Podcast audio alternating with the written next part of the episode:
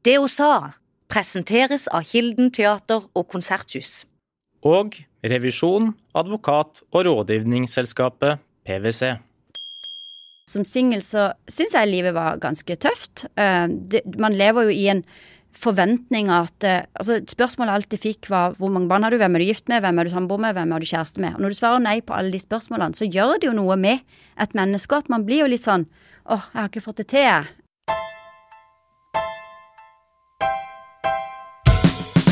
Charlotte Beckmann Finnestad, velkommen til det hun sa. Tusen takk, Birgitte. Du er tidligere driftssjef ved Q42. Så har du vært markedssjef på Hovden. Men akkurat nå så er du mest profilert, skal vi si det, som ordførerkandidat for KrF i Kristiansand. Mm. Og jobben din det er å være distriktssekretær i Agder KrF. Ja, fylkessekretær. Fylkessekretær. Det stemmer. Du, jeg tenkte vi skulle bruke anledninga til å prøve å bli litt kjent med deg. Ikke bare den profesjonelle sida, men litt privat også. Jeg tenkte du kunne få lov å begynne med å si tre ting om deg sjøl. Jo, jeg kommer fra Høvåg, eh, og så, eh, så jeg vokst opp ved sjøen. Så sjøen er liksom en stor del av mitt liv. Det, altså, jeg kjenner liksom det kribler når eh, varmen kommer litt på våren, og en kan ut i båt og holde på med sjøaktiviteter og ja, være ved sjøen, bade og og det er veldig fint. Og så, så har jeg tenkt at den neste tingen jeg kan si er Hovden. Jeg jobba på Hovden en periode, og det var kjempespennende. Eh, og jeg gjorde det også fordi at jeg er glad i naturen, jeg er glad i fjellet. Det å komme seg ut, det å være på ski nedover og bortover, det er noe som gjør meg veldig glad. Og så eh, den, eh, den siste tingen jeg tenkte å si som nummer tre, det er Hawaii. Jeg har reist mye, opplevd mye, mange deler av verden. Og det å få oppleve forskjellige kulturer og se at ja, men alle lever ikke akkurat sånn som det en gjør her i Randesund, hvor jeg bor nå, eller, eller, i Oslo, hvor jeg hadde mange fine år. Men det å komme seg ut litt. Og jeg var også på Hawaii fordi at jeg gikk på en bibelskole der. Ja, og hvordan var det? Nei, det var kjempespennende. Eh, det, var, eh, det var jo et, et halvår jeg fikk eh, anledning til å få permisjon fra jobb, hvor en gjorde noe helt annet. Eh, det var Bibelskole er jo undervisning, og det, det, det, er jo en skole, det er mye som skjer. Men samtidig så hadde en mye fritid hvor en kunne reise rundt på Hawaii, på forskjellige øyer der, men se og lære hvordan, hvordan lever de, hvordan er livet der. Eh, og det er ikke bare sol og surfing. Men det å i voksen alder melde seg på eller melde seg inn på en bibelskole langt vekk hjemmefra, hva var motivasjonen for det? Det, det, var jo noen år tilbake hvor jeg hadde et vendepunkt i livet mitt. Hvor jeg øh, Jeg var vokst opp i et kristent hjem, men hvor jeg fikk øh, oppleve å, å få en, en, dypere relasjon enn en med Jesus. Hvor jeg fikk øh, et, et, annet åndelig perspektiv. Og det gjorde at jeg, jeg hadde lyst til å oppleve mer. Og eh, ta en større del av det inn i livet mitt, da. Um, og det har vært veldig fint. Og, og det, det baserer seg jo egentlig mye på uh, på det å ha noen verdier i livet som man jobber ut ifra, også inn i næringslivet. I hvilken grad ble det oppholdet på Hawaii også et politisk vendepunkt? Eh, det, var jo kanskje der, der det var liksom at eh, etter det at jeg bestemte meg for å gå inn i politikken. Og det var jo fordi at Jørgen Kristiansen var der samtidig på, på um, Ungdom i oppdrags bibelskole. Og han var der med sin familie uh, og hadde et halvt, eller noen måneder fri fra varaordførervervet, og så, eh, og så snakka vi mye sammen. Og det, det, førte til at jeg ble meldt meg inn i KrF da jeg kom tilbake. Og eh, ett år seinere så eh, ble jeg valgt inn som representant i bystyret for Kristiansand KrF. Og nå er du ordførerkandidat, og hvordan er det?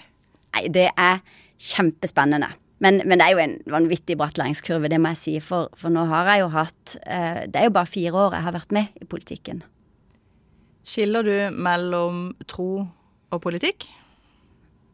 Ja, det gjør jeg jo. Uh, jeg vil jo si at, uh, at, og, at, troen er jo Altså, KrF er jo ingen menighet. Uh, KrF er en, et parti som tilrettelegger for at tro kan utøves av, av alle, alle trossamfunn. Hvilken menighet er det du tilhører? Jeg tilhører Philadelphia i Kristiansand. Og så er jeg aktiv i Ytre Randesund misjonskirke, hvor Eh, var så heldig at for eh, to og et halvt år siden så gifta jeg meg. Eh, Omsider. Venta lenge på han. Eh, og han er med i Ytre Randesund, og da er det altså der vi går sammen. Du har vært mye i media i det siste. Mm. Og det har jo på en måte eskalert etter at du ble listet opp. Hvordan har det vært? Jeg har opplevd det fint. Jeg tenker jo at de, når, man, når man går ut med saker, så må man jo på en måte eh, Man må jo vite litt eh, hvordan man står støtt i det man sier, samtidig som du vet aldri hvilken retning sakene tar, eller man kan sitte i et lengre intervju, og så plukkes det ut én ting, eh, og det vet du aldri helt hva er. Altså det, er negativ, det kommer alltid negativt, og det kommer kritikk, og det kan komme uh, utsagn som, uh, som er litt sånn kanskje litt krenkende eller sårende. Det prøver jeg ikke ta så innover meg. Ja, Og se liksom fremover. Mm. Angrer du på noe som du har sagt eller gjort til nå? Um, sånn rent mediemessig så kan jeg ikke helt huske at det, det er noe sånn som jeg spesifikt angrer på. Men jeg angrer jo på veldig mye jeg har gjort, og jeg er jo litt kjapp noen ganger. Og det å buse ut, det kan jeg jo merke ja, på hjemmebane, at en kan være litt sånn kjapp, og så åh, nå skulle jeg lytta litt mer, jeg skulle ha eh, tatt det litt, eh, brukt litt mer tid på det. Og så, så må en jo ja, be om unnskyldning, da. For mm. Så jeg har mange ting som eh, som, som gjerne kunne vært annerledes. Ja. Men kan ikke du gi meg noen eksempler som illustrerer det?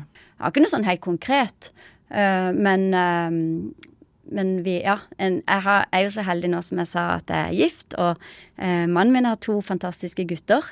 Og midt oppi dette å gå inn i politikken nå, så har jeg fått lov til å være mye sammen med guttene. Eh, og det er, jo en, det er jo en ny situasjon, og der har jeg eh, Ja, jeg har en, jeg har en læring, bratt læringskurve der også, men de har tatt meg utrolig godt imot. Og jeg opplever at vi har, eh, vi har det fint sammen. Og så ja, kan en være litt kjapp, da. Mm. Det der med nye familieformer. Mm.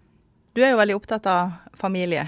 Mm. Eh, hvilke sider, uten at du skal være sånn, ikke snakk politikerspråk, men snakk ditt eget språk.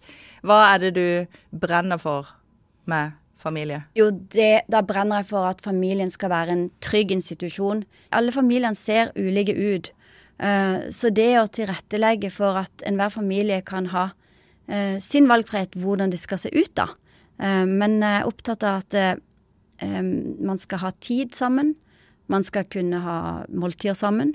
Og det er, altså, det er så krevende hverdager folk har nå. Men hvordan kan man liksom se Hvordan kan uka se ut? Så eh, for oss så må det faktisk være sånn søndag kveld så setter vi oss sammen, og, eller med mannen min, da, og, og lager en plan for uka.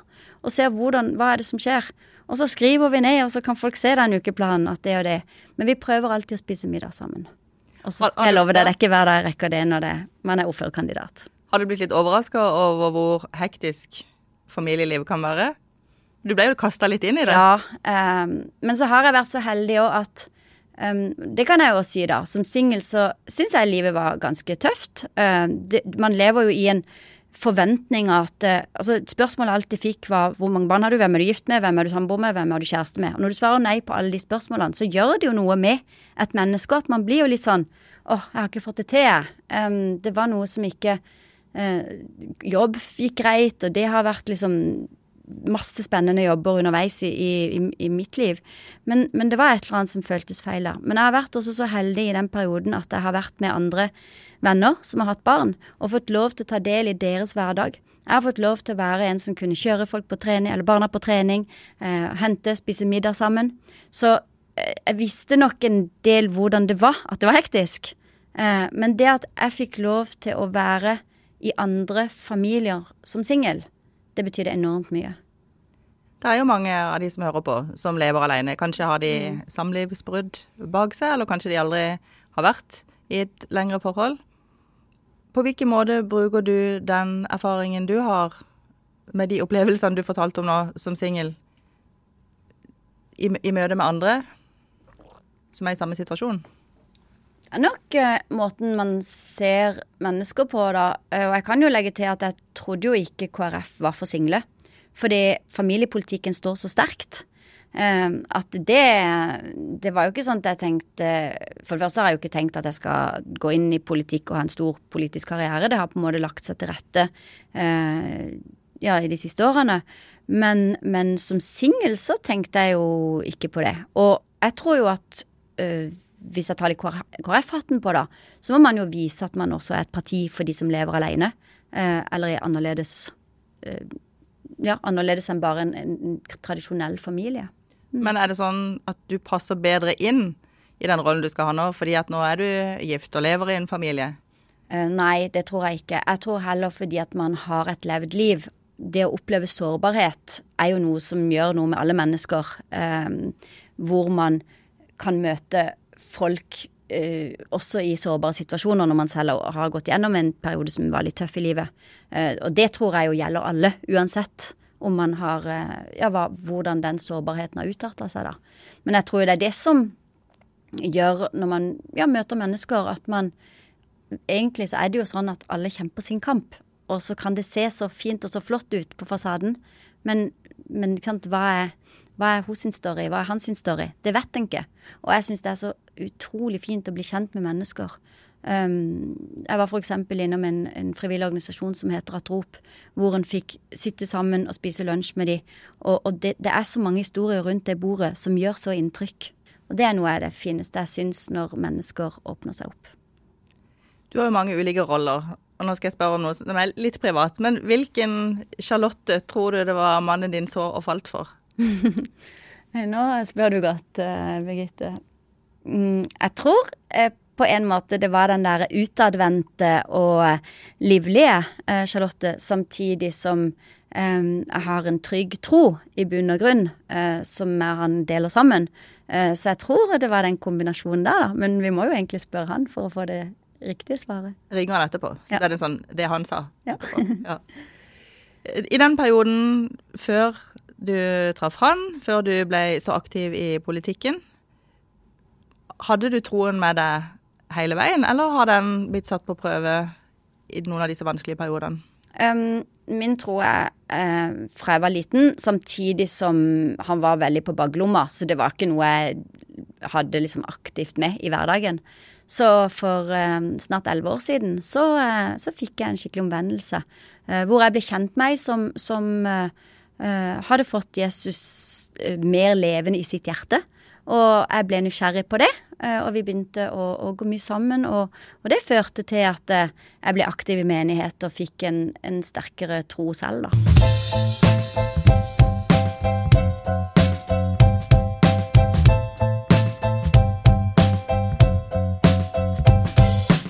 switcher litt tema nå, men vi var jo litt inne på dette med familie og ulike familieformer. Um, så drar jeg det over til at jeg har lyst til å snakke litt med deg om det med, med legning. Mm. Vi hadde et intervju med deg i Fælandsenden der du fikk spørsmål om du ville gå i pride-tog. Og det ville du ikke. Hvorfor ikke? Først har jeg jo lyst til å si at er en person som blir veldig lett glad i mennesker. Og om han er sånn, eller det ser sånn ut, eller eh, det, det spiller ingen rolle. Um, og det er litt det vi har snakka om òg, det å møte mennesker når man åpner seg opp, det er utrolig fint. Uh, så syns jeg jo at det er Som jeg sa i Fjellandsvennen også, så har jeg ikke for vane å gå i tog uh, og kjempe for uh, ulike ja, retninger, hva man skal si. og så opplever jeg nok at det ligger en ideologi bak her som ikke jeg står inne for. og da er det ikke naturlig for meg å, å gå i tog for pride. Um, men når det skal sies, så syns jeg jeg har, eh, jeg har god, god, dialog med Foreningen FRI, uh, og syns det er veldig fint å treffe dem. Og jeg tror liksom litt på det å møte menneskene over en kopp kaffe, da. Gå en tur sammen. Versus å gå sammen i noe som ikke er overbevist om at jeg vil heie frem. Men hvis du skulle bli ordfører, forplikter det ikke da sånn at du faktisk bør gå i det toget for å virke samlende? Eller forplikter det også å møte de, og kanskje på en annen arena? Mm, bli litt mer kjent. Det, det hadde jeg syntes hadde vært veldig spennende. Ja. Vi vet jo at mange i denne byen har det ganske tøft som homofil. Vi vet at det er høyere selvmord høyere selvmordsrate. Um, det er jo en by som ikke er kjent sånn, hvis vi ser tilbake, for å være veldig inkluderende på det området. Hva kan du gjøre utover å bare ta den kaffen eller bli kjent for å, å gi din støtte til de som ikke har det bra, de som faller utenfor? Og der tror jeg du er inne på noe veldig viktig, for jeg tror vi må, uh, vi må snakke om det med å inkludere. Vi må snakke om å, å ikke diskriminere ulike grupper. Uh, vi skal uh, Man skal møte alle, uansett legning eller uansett hvordan familiekonstellasjonene er. Så, så, er det viktig å, å men, men, må, men, man må ikke nødvendigvis gå i et tog for å, å gjøre det, da. Hvilke reaksjoner fikk du på det den holdninga, eller det standpunktet? Det var egentlig veldig fint, fordi at um, man er tydelig på noe. Og det å stå liksom støtt i noe som Ja, det er ikke alle som er enig, uh, men det er også fint. Uh, så det var, det var begge reaksjoner som jeg fikk mange gode samtaler ut av. Vil vi med det som potensiell ordfører kunne se pride-flagget vagge over, eh, eller i flaggstanga over rådhuset? Nå, er, nå, følger jo den rådhuset flaggloven, men i utgangspunktet ikke, nei. Og hvis du kunne bestemme, så ikke? Det er jo et uh, politisk vedtak som gjøres på det. Du, du tilhører jo det vi kan kalle den konservative fløyen i KrF. Stemmer ikke det? Jo, det stemmer. Hvem er det som blir glad for disse standpunktene eller disse utspillene som dette? Hvem er det du får mest kred fra? Jeg opplever jo egentlig det at når man er tydelig på noe, så får man jo eh, bred støtte. Eh, så eh, både eh, KrF-ere som har vært medlemmer og som er aktive, men jeg opplever også mange som eh, som aldri har stemt KrF, eh, syns det er fint at man har et tydelig standpunkt. Du, Jeg ble litt nysgjerrig, for det, du er jo opptatt av sånn som jeg forstår det, av å være bibeltro, ikke sant? Mm. Og så kjenner jeg jo deg såpass, eh, hovedsakelig gjennom media, men jeg opplever jo at du er en person som, eh, som du sa i stad, du er opptatt av mennesker, du er sosial. Kjenner du noen ganger litt i magen sånn rent personlig, når du har standpunkt som du vet på en måte kan være med på å ekskludere noen, at du kjenner en sånn personlig konflikt mellom det du formelt tror på, og det du føler sjøl? Jeg syns jo det er så fint å møte mennesker. Eh, så eh, vet jeg også at det, er jo ikke alle man får møtt personlig. Eh, men mangfold er jo så stort og favnende at vi må huske på det at det er veldig mange som ikke føler seg inkludert når man med prideflagget. Og jeg ønsker egentlig å favne alle, og da må man ikke nødvendigvis flagge ett flagg. Vi skal over til et annet tema, som også er vanskelig, men minst like viktig. Hvor opptatt er du av klima? Og klima er spennende. For det som jeg har opplevd, da, er jo at man har satt et klimamål, eh, et bystyrevedtak, på 80% for Kristiansand kommune. Det er høyere enn det nasjonale målet? Og det nasjonale er på 55% Og det nasjonale er et ambisiøst og flott mål som ligger til grunn. Det er, det er lovpålagt at det er, der vi, det, er det, det er det vi skal oppnå. Eh, så når det da kom et enda høyere mål, så har jeg opplevd i Kristiansand som politiker at det verken er konsensus hos politikerne å få dette til, eller det er noe lokalbefolkninga er veldig opptatt av. Så det jeg har vært ute og sagt, er at det, eh, kunne vi hatt et oppnåelig mål som vi kan feire når vi når sammen?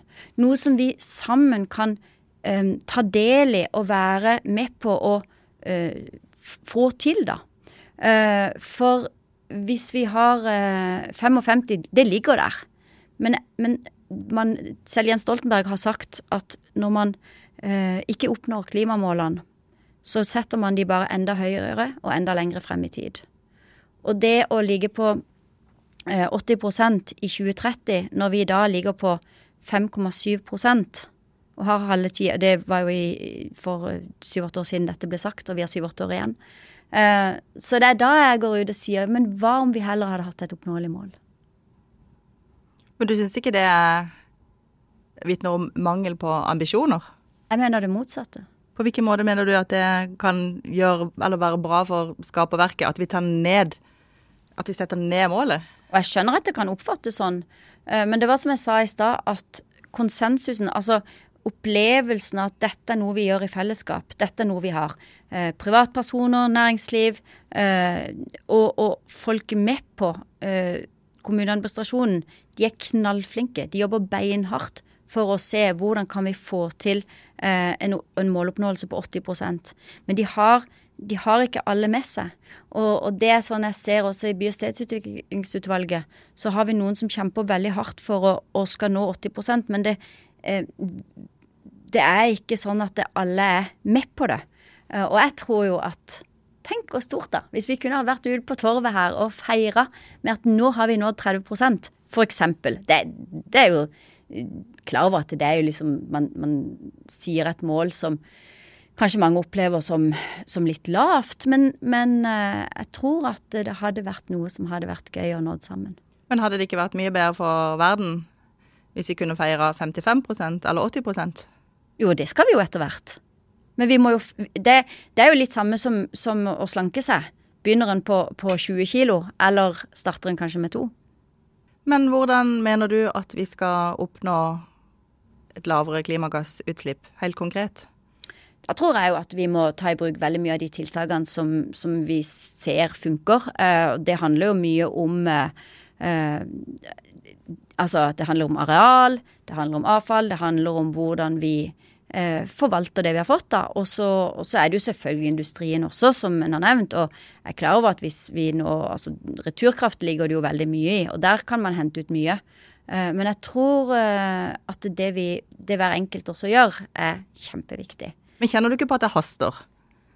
Det haster, men vil vi klare å nå noe om syv-åtte år? Eller skal vi bare la det være noe som er så høyt og så langt frem at ingen gjør noe? Mm. Klarer du å se for deg en strategi der en eh, tar litt hardere skyts i bruk? Ja, for det tror Altså, jeg tror at hvis vi Jeg har jo tatt liksom litt til orde for et sånn klimabarometer. Noe vi kan se at ja, men gjør vi dette, så, så øker vi så mye. Gjør vi dette, så, så har det faktisk en effekt på, på klima, klimareduksjon, klimagassreduksjon. Og det er, eh, det er liksom viktig å ha noe som er håndfast, tror jeg. Hvilke reaksjoner får du på at du mener vi må ta ned Jeg mener jo det du gjør, er å ta ned ambisjonen. Ja, nei, jeg har faktisk fått helt vanvittig med positiv respons. Ja, er det litt derfor fra... dere gjør det? Um, det er klart det er jo lettere sikkert å bli populær med noen nei, mål. Nei, nei, nei. Det var uh, Nei, det var ikke Det handler faktisk om at vi ønsker å oppnå noe. Uh, så vi gjør det ikke for det, men, men, det har jo Jeg tror jo For det første så har det jo satt i gang mange gode diskusjoner på arbeidsplasser og på kantiner kantiner og så videre, uh, og mange har snakka om det. Men, men, det handler ikke om et lavere ambisjonsnivå. Det handler jo om å faktisk få til noe sammen. Hva er du mest bekymra for, da, klimamessig? Hvis du skal være konkret, og ikke bare snakke som politiker, mm. men som Du er glad i naturen, du er mm. glad i å være ute, sjøen? Jo, jeg skikkelig bekymra for verdens um, forsøpling. Uh, det å reise rundt og se hav med søppel, uh, strender i Asia som bare er fylt til randen av søppel og bildekk og det, Jeg syns det er helt forferdelig. Så det å liksom mm, få rydda opp og, og industriforurensning og? Vi er kommet så langt her i Norge. Vi har gjort en fantastisk jobb. Så jeg tror jo at det er det vi har her, må vi jo ta videre ut i verden også. Det er jo ikke så mange år siden man ikke kunne bade i Otra.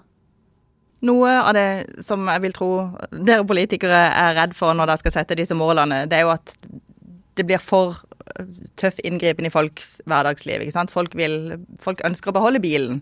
De vil kjøre når de vil, f.eks. Eh, folk vil reise. Hvilke ting er du sjøl villig til å gi avkall på for å bedre klimaet? Mm. Jeg tror jo f.eks. dette med mat. Eh, det å med klær vite enda mer. Hvor kommer det fra? Eh, hva har det ført til? Eh, for, å, for at en kan denne blusen, da, hvor, hvor den er produsert, hvordan har det skjedd, hvordan Så jeg tror jo egentlig at hvis vi får mer informasjon og mer kunnskap, så tror jeg jo mange flere vil handle mye mer eh, bærekraftig. Og egentlig må vi vel rett og slett handle mindre. Mye mindre. Det er ikke så lett det der. Jeg kan ofte bestemme for at, eh, spesielt når jeg ser disse bildene av de fjellene av, tøy Mm. som var slengt i ørkenen i, i Chile f.eks., så kan jeg bestemme for at jeg skal sånn ikke kjøpe et, et plagg mer. Men jeg klarer ikke å holde det så veldig lenge, og det er jo mye lettere å skyve det litt unna. Åssen har du det med det? Eh, jeg prøver iallfall så godt jeg kan, men, men en handler jo sikkert altfor mye. Eh, men prøver også det en ikke bruk, det ikke har brukt på et år, prøver, altså det gir jeg videre. Eh, er det til en gjenbruksbutikk? Er det til noen jeg kjenner som jeg vet kan ha mer nytte av det? Så det å ha de der opprydningsrundene, det er smart. Men jeg sier jo ikke at jeg er perfekt i dette, for det er jeg absolutt ikke. Men mm, eksempel også når det kommer til mat, da, så spare på rester. Eh, og det er faktisk utrolig deilig å ha noen rester i kjøleskapet. For det, hvis en ikke da alltid Som jeg sa, jeg rekker, rekker ikke alltid middagen for tida. Eh, og det er noen tenåringer hjemme òg som, som spiser gjerne to eh, store måltider om dagen. Eller flere, da, men middager. Og de, de syns det er helt topp å ha noe pastarester eller hva det skulle være i kjøleskapet. Er du glad i å lage mat? Veldig. Hva står på menyen når det er du som bestemmer? Mm, gjerne gode salater med masse forskjellig. Det kan være asparges, og det kan være eh, skinke i, eller det kan være eh, fetaost eller bringebær, og egentlig bare mikse. Og så lage gode dressinger. Det syns jeg er gøy. Og de lager du sjøl? Ja. Mm. Du, jeg jeg, en ting, en ting jeg glemte å spørre om i forhold til dette med, med klær. Handler du brukt? Eh, ja, det har hendt. Du er ikke sånn som tråler brukt butikker Men- eller Finn? Men er nok, eller sånn, for min del er handling litt sånn forbundet med reiser. Uh, men det er jo, ja, men selvfølgelig sånn som Jeg har jo, jeg har jo kjent liksom litt på det nå, at når en er uh, litt sånn hit og dit og mye møter, uh, så må en jo ha, må jo ha noe ordentlig tøy. men Nei, jeg tråler nok ikke thrift stores. jeg gjør nok ikke det.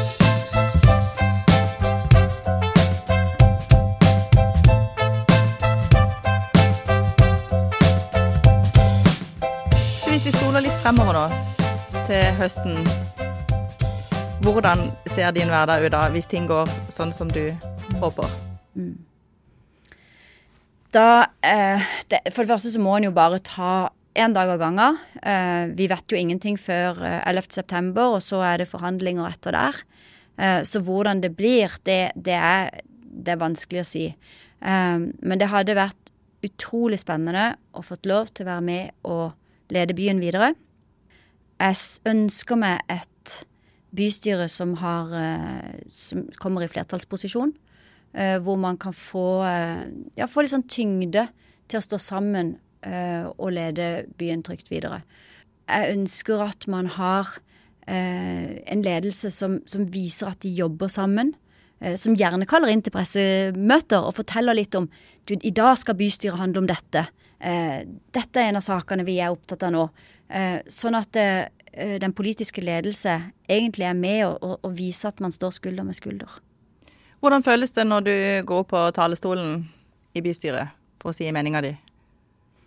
Det har gått fra å være kjempenervøs eh, Det var liksom kanskje den første gangen hvor man bare er sånn oh, dette er spennende og litt skummelt.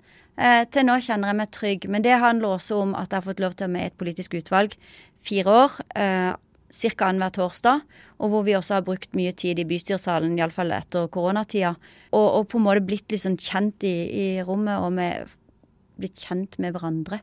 Det er jo det å vite hvem, hvem snakker man til, hvem jobber man sammen med. Og når man kjenner de litt, og man vet litt mer om han i Frp eller han i Senterpartiet som driver med frukttrær på Ja, så, så, så, en, så blir han mye tryggere. Men eh, helt ærlig syns jeg det er gøy.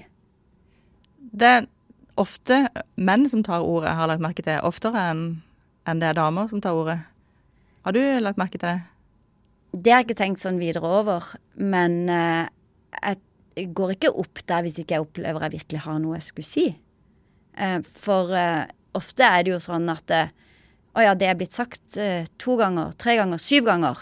Da trenger ikke jeg snakke det den samme saken, eller det samme argumentet den åttende gangen. Kan det være aktuelt å samarbeide med Arbeiderpartiet? Det er jo som KrF har sagt, at vi lukker ingen dører. Men sånn som det er per nå, så er det jo mest aktuelt for oss med, en, med et borgerlig samarbeid. Du, når ikke du driver med politikersaker, altså ikke er på jobb, hva gjør du da? Da har jeg jo en hund, eh, en eh, liten engelsk setter, som jeg går mye tur med. Det der å komme seg ut, det kommer jeg nok alltid til å slå et slag for. Eh, så går turer og løperturer. er Veldig glad i å være i skauen og, og ta en løpetur. Eh, eller eh, som jeg sa fra begynnelsen også, komme seg opp på heia eller ut på sjøen. Eh, det er rekreasjon. Og så har jeg et stort nettverk og har mange venner. Eh, og så er vi aktive i Misjonskirka. Eh, så det skjer veldig mye. I år har jeg fått lov til å være med konfirmantene. Eh, kjempefin gjeng. Eh, superspennende å være med de. Men det å, å bruke tid med, med folk, samtidig som en får en balanse at Kjetil, mannen min og meg også får tid sammen, og med guttene. Det er liksom det å finne den balansen der hele veien. Så da hjelper det med en ukeplan. Det står på Facebook bilder av deg og, og hunden din, faktisk. Og det er jo en jakthund. Går du også på jakt? Ja, jeg har jegerprøven. Så eh, jeg har ikke hatt eh, tilgang på terreng i det siste, så det har vært eh, lite jakt. Men det håper jeg tar seg opp igjen. Hva, hva gir det deg? Å, det er helt fantastisk. En bare går innover heia. Og det er jo spenning òg knytta til det å, å, å gå med hagløv hvor du på en måte er klar, eh, samtidig som du bare ja, Du går jo ikke på stier, du bare går. Eh, og det, ja, det er en frihetsfølelse. Du virker jo som ei tøff dame. Er du det? Jeg tror jeg er det. Samtidig som jeg nok også har den sårbare og sarte sida. Det var liksom, det var mannen min som var veldig sånn Ja, du er jo veldig utadvendt, men du er også introvert. Så det at jeg trenger tid alene, det er, det er også der jeg henter energi. Charlotte, er det noe i din karriere som du burde ha gjort annerledes? Altså, livet er jo som det er, og, og, og vi har jo, jeg har jo mye jeg angrer på. Men det som jeg skulle ønske, var at jeg hadde brukt mer tid på i forberedelse av studiet. Hva skal jeg bli, og hvordan komme seg dit?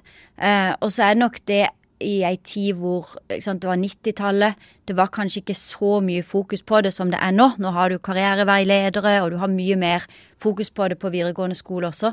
Men jeg skulle nok ønske at vi på hjemmebane hadde snakka enda mer om liksom, veien til å komme dit man kanskje ønsker seg, selv om politikk var jo ikke det en, en ønska. Og så var jeg så heldig at jeg satte i gang etter hvert og begynte på noe, eh, og så viste det seg at å ja, der var det jo markedsføring. Og det vil jeg gå videre med. Og så gikk jeg på BI og tok, eh, tok markedsføringsutdannelse med kommunikasjon og, og, ledelse som fag der. Det var veldig bra. Men du kunne ønske da at det hadde vært mer anledning til å snakke om hva du vil og hvordan du kan bli det Ja. da du var yngre? Ja.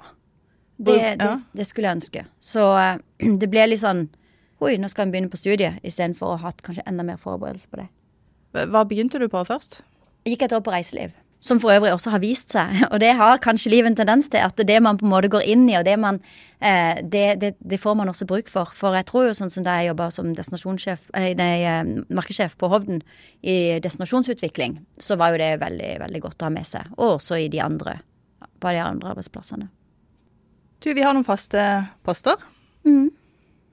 Blant annet så har vi noe som heter Fremsnakk. Det skal du få lov å gjøre. Men jeg har først lyst til å spørre deg om Er det noe du er best på i verden? Nei. Ingenting. Nei, det er ingenting jeg Jeg kan ikke skilte med en VM-tittel. Er det noe du nerder på, som du går skikkelig i dybden på? Jeg er nok litt sånn eh, organisatorisk eh, frik. At det er liksom veldig til å organisere og passe på at alle ah, 'Du skal det, har du gjort det?' Og kanskje litt sånn irriterende organisatorisk. Mm. Du, hvis du, la oss si, var Det mest nærliggende er jo å si ordfører for en dag, men la oss si du var president for en dag. Mm. Du hadde muligheten til å gjøre noen skikkelig store endringer. Mm. Hva ville du ha gjort? Or, jeg ville ha gått til kanskje spesielt unge folk og sagt at du er verdifull. Og jeg ville gått til hun som sitter på gata, som vi også kanskje ser på Torvet i Kristiansand, eller på i slummen i, ja, i, eh, på Filippinene, um, og sagt at du er verdifull. Du har en, du har en enorm verdi i den du er. Um, og du trenger ikke prestere for å uh, være noe For å være noe spesielt. Du er unik sånn som du er, og du er verdifull. Du jobber med konfirmanter. Mm. Er det noe av det du snakker med dem om der? Vi hadde det jo kjempegøy, og det var mye lek og tøys og moro. Og, men jeg tror på det å se mennesker. Jeg tror på det å uh, Ja, åssen har du det? Har du det fint? Åssen har helga di vært, eller åssen har Ja. Jeg tror på det å uh, og, og, som jeg sier, egentlig, liksom det at mennesker har verdi. Helt uavhengig av hvem de er, hvor de kommer fra, eller uh, hvor, hvilket hus de bor i. Legning? Uansett. Uansett. Charlotte, du skal få lov å fremsnakke noen som du syns fortjener å bli løfta fram. Mm. Hvem vil du fremsnakke? Vet du hva, jeg tar det helt personlig, og i dag har jeg lyst til å fremsnakke min mann, Kjetil. Um, det, det er bare noen få år siden vi møttes, og jeg har vært gift nå i, i to-tre år, og det han gjør, og den han er, for meg, det betyr enormt mye. Uh, det å ha den støtten på hjemmebane når en løper i møter fra morgen til kveld, og det, er, det er jo også en det er jo også et hus og hjem som skal organiseres, og han stiller opp, og han er så støttende. Eh, og på mange måter så er nok han eh, mye mer politiker enn meg, så det å ha den sparringspartneren hjemme, det er utrolig fint. Charlotte Beckmann Finnestad, tusen takk for at du ville komme til det hun sa. Tusen takk, Birgitte. Kjempefint. Du har hørt på Det hun sa av Ferdelandsvennen. Følg oss på Instagram og meld deg inn i Facebook-gruppen vår. Der kan du foreslå en gjest du har lyst til å høre i neste episode.